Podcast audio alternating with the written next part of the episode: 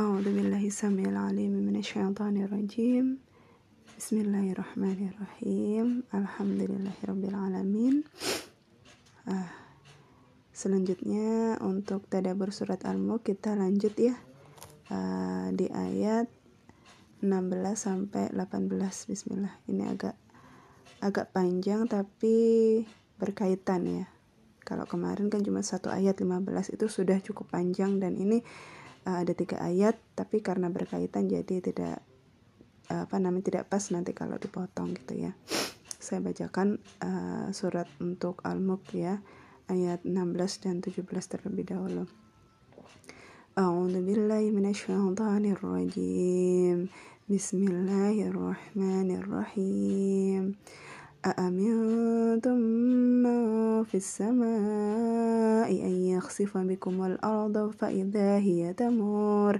أم أمنتم من في السماء أن يرسل عليكم حاصبا فستعلمون كيف نذير؟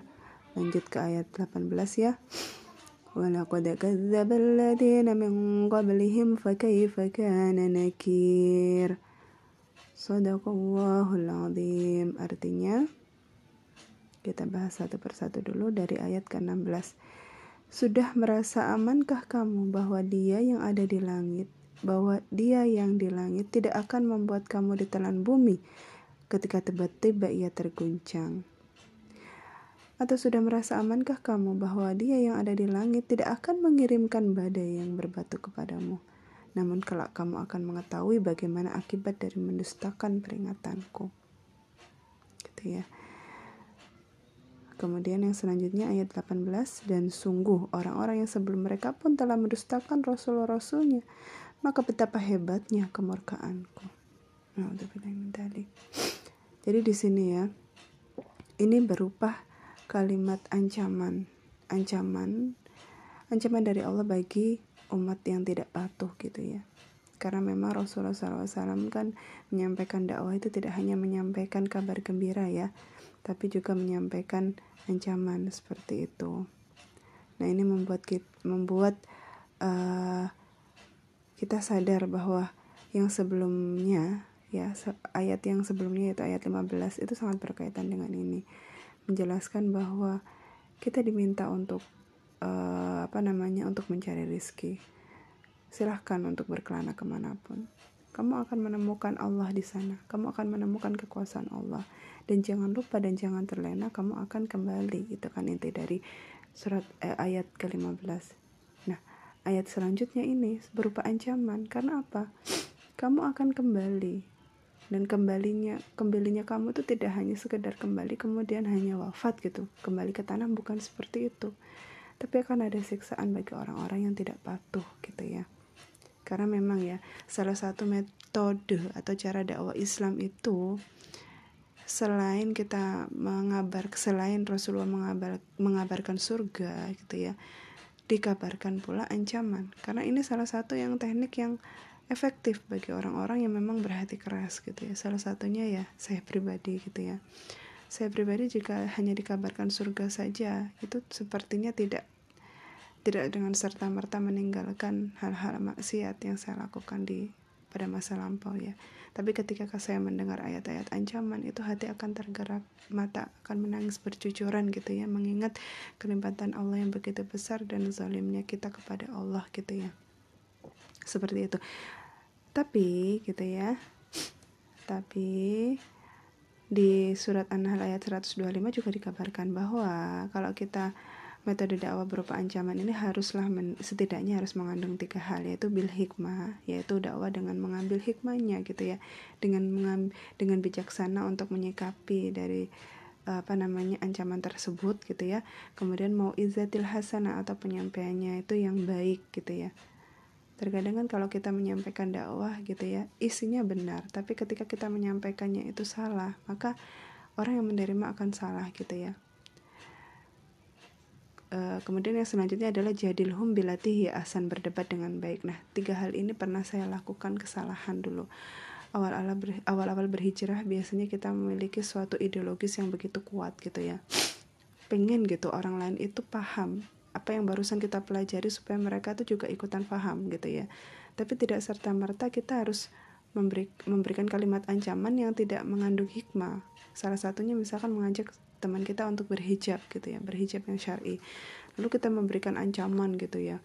Tidak boleh penuh unta kemudian tidak boleh menunjukkan dadanya gitu ya.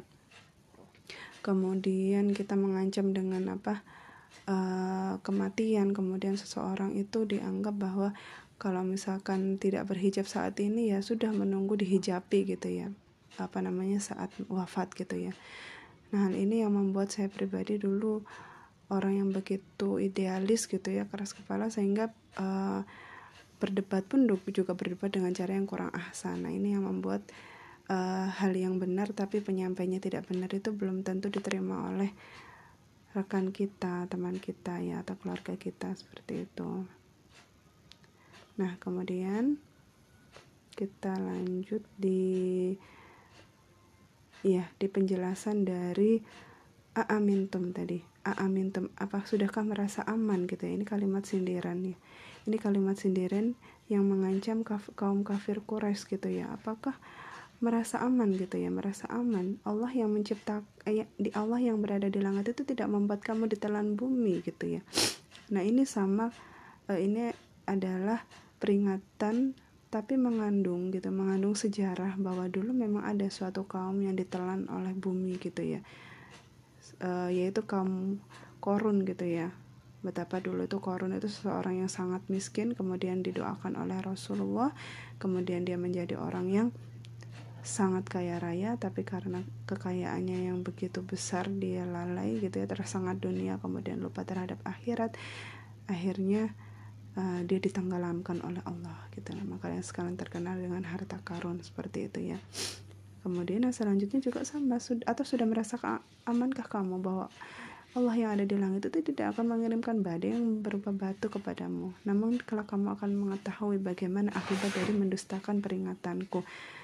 Nah ini menceritakan tentang kaum Samud ya atau kaum Sodom di mana di mana pernah diriwayatkan bahwa ada kaum gitu ya kaum yang begitu sangat mengingkari Allah gitu ya keluar dari fitrahnya seseorang uh, yaitu manusia makhluk itu dipasang-pasang laki dan perempuan. Akan tetapi mereka keluar dari fitrah mereka menganggap bahwa laki-laki hubungan laki-laki dengan laki-laki dan perempuan dengan perempuan itu adalah apa namanya tuh yang menurut mereka itu benar gitu ya. Dan akhirnya mereka apa dihujani oleh batu gitu ya. Dihujani oleh badai batu sehingga mereka seakan-akan tidak hidup gitu ya. Karena memang saking dahsyatnya apa ujian itu sampai saat ini pun masih ada ya. Sampai saat ini pun masih ada artefak-artefak dan sisa-sisa peninggalan dari apa namanya itu kaum Sodom gitu ya banyak sekali ditemukan orang-orang yang akhirnya menjadi batu gitu ya. Dan masya Allah itu ditunjukkan gitu betapa besar kekuasaan Allah dan berat, betapa sangat pedih peringatan dari Allah ketika kita mendustakan gitu ya. Naudzubillah dalik. Pun juga disebutkan kalau masalah batu itu ya tidak hanya kaum Sodom di surat Al-Fil ya ada pasukan gajah yang dipimpin Raja Abraha gitu ya.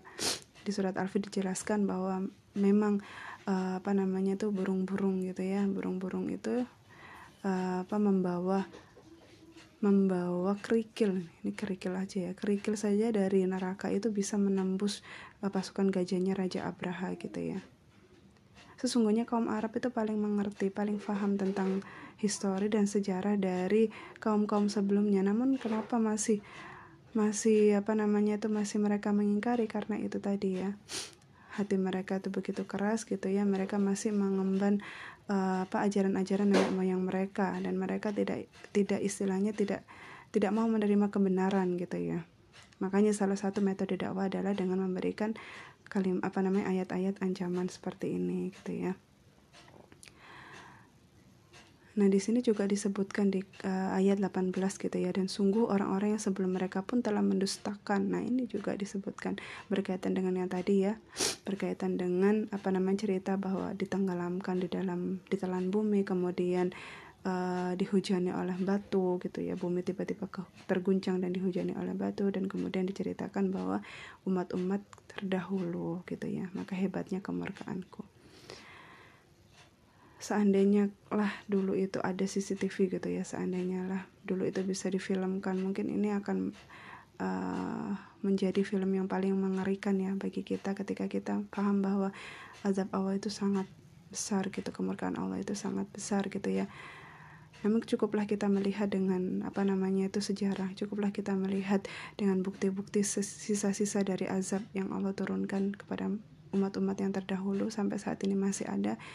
Cukuplah itu yang membuat kita faham dan keyakinan kita kepada ayat-ayat Allah, Allah gitu yang memang benar dan tidak tidak ada yang bisa satupun mendustakan ayat Al-Quran gitu ya karena kebenarannya gitu ya seperti itu semakin kita memahami Al-Quran semakin mendataburi Al-Quran kita semakin paham bahwa Al-Quran ini adalah yang paling benar karena memang semua semua agama semua kitab suci memang kebanyakan memang baik gitu ya. Tapi baik itu tidak cukup ya harus baik dan benar gitu ya. Kita harus menemukan sesuatu yang memang benar tidak kontradiksi antara satu ayat dengan ayat yang lain seperti itu ya.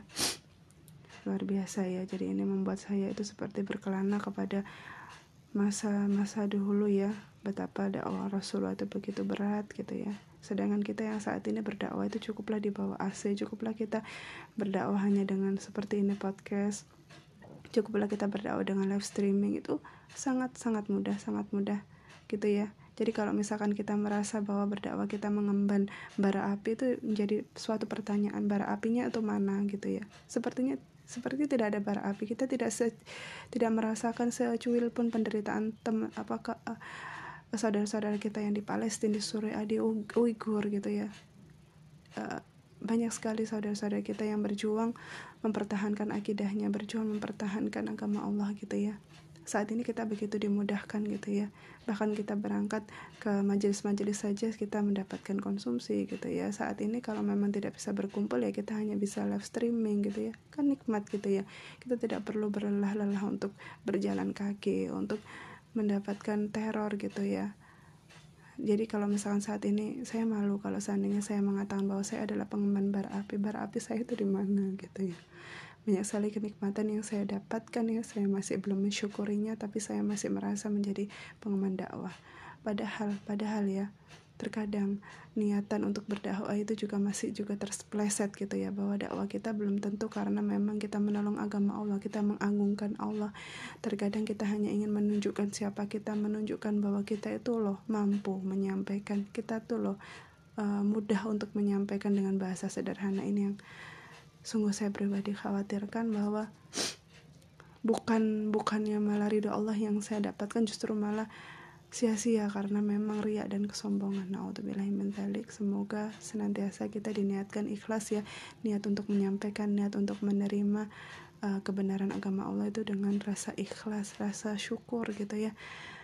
Dengan rasa yang tunduk patuh gitu ya seperti hati kita itu seperti air mata yang meluncur jatuh gitu ya. Seperti air yang meluncur jatuh tunduk patuh gitu ya. Gunung-gunung semuanya tuh bertasbih kepada Allah. Malaikat kita semua makhluk Allah itu tunduk dan semestinya patuh gitu ya. Seperti itu ya.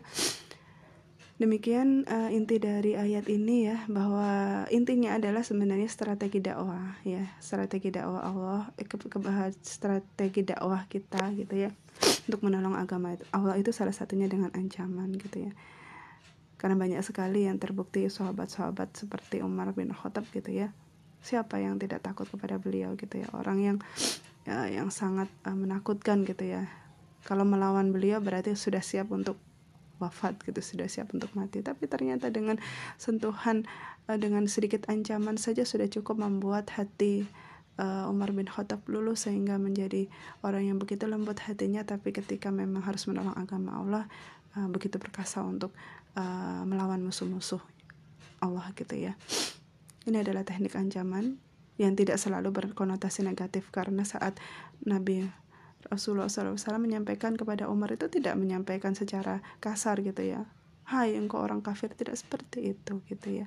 Dengan membacakan Al-Quran kemudian luluh hatinya eh, yang isinya adalah ancaman seperti itu ya. Asal tadi ya tetap dalam koridor bil hikmah gitu ya. Apa kita mencari hikmahnya dengan sebuah kebijaksanaan dan mau idah hasanah penyampaiannya dengan baik. Dan yang terakhir itu berdebat dengan cara yang baik yaitu uh, jadilhum billati asan nah ini yang membuat kita senantiasa ya ingat bahwa uh, penyampaian itu penting gitu ya. Berdebat dengan yang baik itu penting agar eh, hal-hal uh, yang baik ini menyampai kepada uh, orang itu dengan baik gitu ya. Karena kekhawatiran kita adalah ketika kita menyampaikan dengan hanya ancaman kemudian dengan cara yang kasar justru yang kita sampaikan itu trauma kemudian tidak mau menerima kebenaran. Untuk bilang mentalik semoga ini menjadi uh, apa namanya renungan bagi kita juga ya. Saya pribadi ya ancaman ini begitu nyata gitu ya. Semoga dengan ini setiap membaca surat al-mulk menjadi lebih ingat menjadi lebih tunduk dan patuh menjadi lebih lembut hati ini untuk paham bahwa uh, ancaman Allah itu benar-benar nyata gitu ya dan sudah ada buktinya di kaum yang sebelumnya. Wallahu alam. Wassalamualaikum warahmatullahi wabarakatuh.